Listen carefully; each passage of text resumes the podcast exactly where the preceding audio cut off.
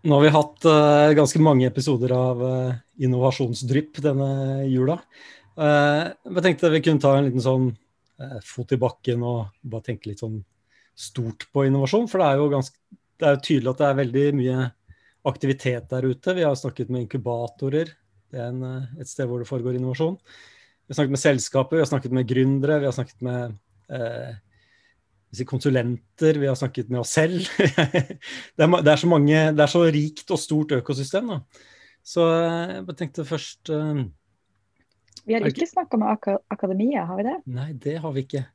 Og det er litt det jeg tenkte kanskje vi kunne begynne med. At det er, uh, det er jo litt interessant at innovasjonsmetodikk lener seg på, eller bygger videre på, eller, eller bruker standard forskningsmetode Uh, hypotetisk deduktiv metode, eksperimenter.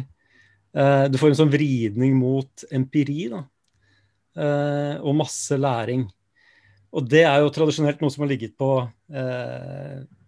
universitetene eller forskningsinstitusjonene. Så er det, er det, sånn nå at vi går inn i en tid hvor det skjer mye med forskning i, ute i selskapene? Er det selskapene som begynner å er det ute i selskapene man får liksom den nye kunnskapen om hvordan mennesker oppfører seg, f.eks.?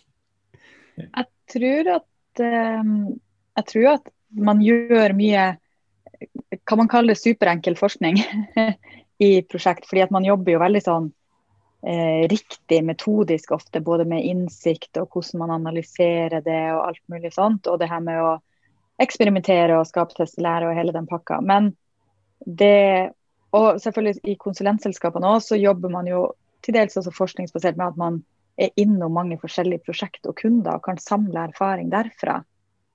Eh, men jeg tror jo fortsatt at kanskje akademia har en rolle i å virkelig liksom se det store bildet og samle sammen trådene på tvers av mange selskap og liksom få det her grunnlaget som man kan liksom virkelig trekke noen konklusjoner fra. Mm.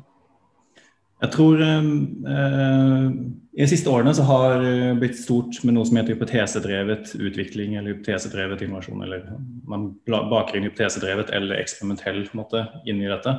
Og Hvis man ser på innholdet i det, så er det ganske likt eh, på en, måte, en forskningsmetode. Fordi Hvis man ser på hvert fall den første definisjonen av the scientific method som er funnet, er av en fyr som heter Ibn al-Haytam, som skrev The Book of Optics han ble kreditert for å ha skrevet det, og den er, består av seks punkter. Det er første punktet observere. Andre punktet still spørsmålet hvorfor du har måtte, observert det du har observert. Tredje punktet formulere en testbar hypotese. Fjerde punktet design eksperimentet ditt. Femte punktet test eksperimentet ditt.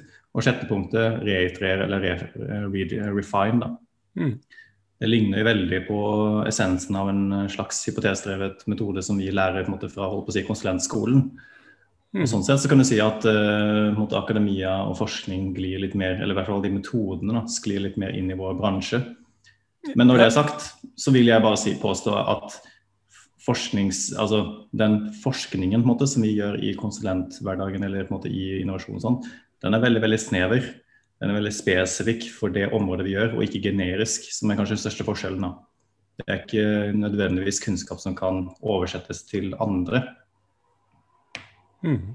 Ja, Det er jo egentlig litt det samme som jeg var inne på, da, at akademia har kanskje en rolle der med å eh, gjøre det mer generisk. da, eh, At man kan, konkludere litt mer.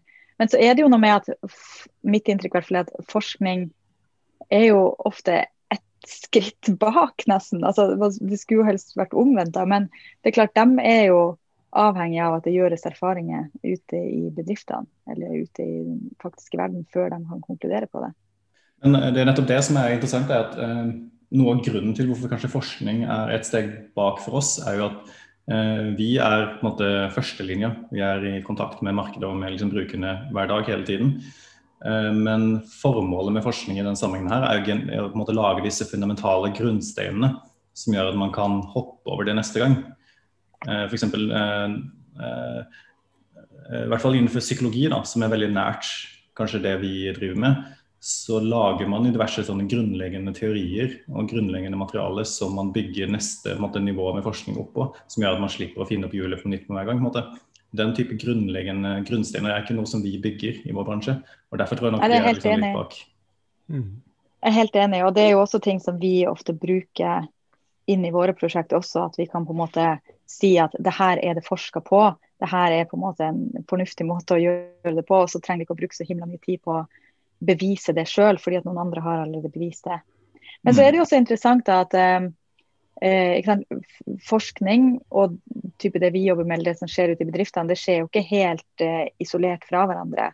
Altså Det finnes jo masse forskningssenter som jobber veldig tett, altså der hvor bedriftene sjøl deltar i forskninga. Og eksempel på det er jo sånn som NHH, som har hatt lenge hadde et forskningssenter over åtte år som heter Senter for tjeneste og innovasjon. Eh, der var Beck partner sammen med mange andre bedrifter. Og nå har de da starta opp det her nye DIGG, som er eh, Digital Innovation for Growth. Som er jo rett i det vi snakker om da. Men de sitter jo da, eh, der er, vi jo, der er vi også med som en partner. Og der er jo formålet nettopp å forske på egentlig alle de tingene, eller veldig mye av det vi har snakka om i den kalenderen her. Da. Hvordan, hvordan rigger man seg best for innovasjon, og hvor skal det gjøres, og hvem skal gjøre det, og hva man husker på, og, og sånt. Mm. Så det tenker jeg jo at det er viktig at man har den eh, linken, da, at man faktisk jobber sammen om det. Mm. Mm. Men eh, nå kjenner jeg ikke til DIGS veldig godt, så det må vi snakke om kanskje en gang senere. Men det høres ut som en slags sånn metaforskning man gjør i DIGG. da, At man egentlig analyserer små eh, eksperimenter eller måte, innsiktsøvelser eller små andre måte, forskningsprosjekter man har gjort, og så lager en sånn metastudie på toppen av det. Det er ikke en sånn statistisk signifikant forskning hvor man har liksom en testgruppe og en kontrollgruppe osv. Nei, det, det kan du si. Altså man eh, Tja. Eh, nei, det er nok ikke sånn at man har en testgruppe og sånn. Det er nok mer eh, på en måte kvalitativ testning.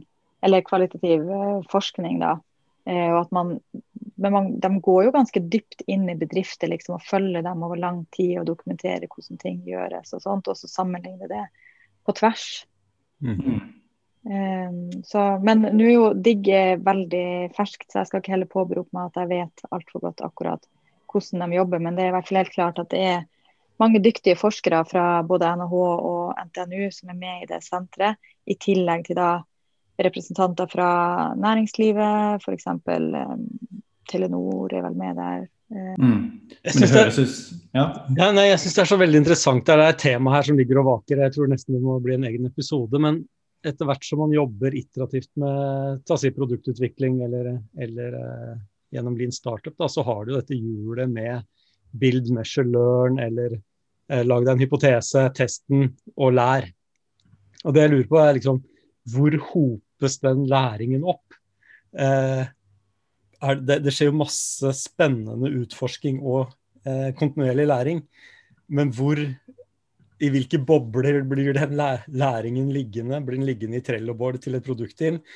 Havner den i en større si, eh, opp, kumulativ eh, hypotesebank eh, i bedriften? Lærer hele bedriften om, om kundene sine og markedet? Eller aggregeres det enda høyere da, gjennom sånne forskningssamarbeid som, eh, som Pia nevnte? Ja, jeg tror det blir liggende i eh, måte, hodet til folkene. da, og Sånn sett så kan jeg si at det ligger i bedrifter. Og sånn sett så kan du på en måte si at eh, det å få inn eh, ekstern, måte, ekstern kompetanse er også en måte å få inn ekstern måte, ny innsikt og ny måte, forskning eller ny måte, datagrunnlag. da. Det var et fint avsluttende ord, Mutte. Jeg tror vi lar det være med det. Det er menneskene som eh, jobber med ting, og det er menneskene som lærer.